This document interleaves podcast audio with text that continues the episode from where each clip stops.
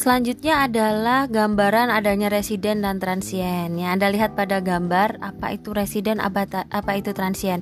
Anda lihat itu adalah orang yang berjabatan tangan dan di sekelilingnya ada mikroorganisme. Artinya apa?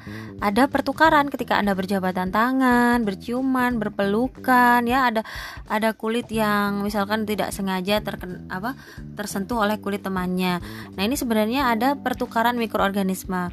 Nah, pertukaran ini disebut dengan organisme yang transien berpindah. Jadi ada organisme itu yang tinggal atau residen dan juga ada yang berpindah-pindah ya. Yang berpindah disebut dengan mikrobiota transien karena bisa mendapatkan mikrobiota dari orang lain. Misalkan anduknya satu bergantian. Nah itu akan banyak sekali mikroorganisme yang berpindah-pindah. Misalkan orang satunya ini terkena panu satunya tidak. Akhirnya yang satunya terkena panu juga karena ada perpindahan. Nah berarti ada transien. Kemudian ada yang residen. Residen itu tetap tinggal. Misalkan kayak Staphylococcus aureus, Lactobacillus, yaitu residen. Memang mereka menetap. Penghuni asli itu residen ya.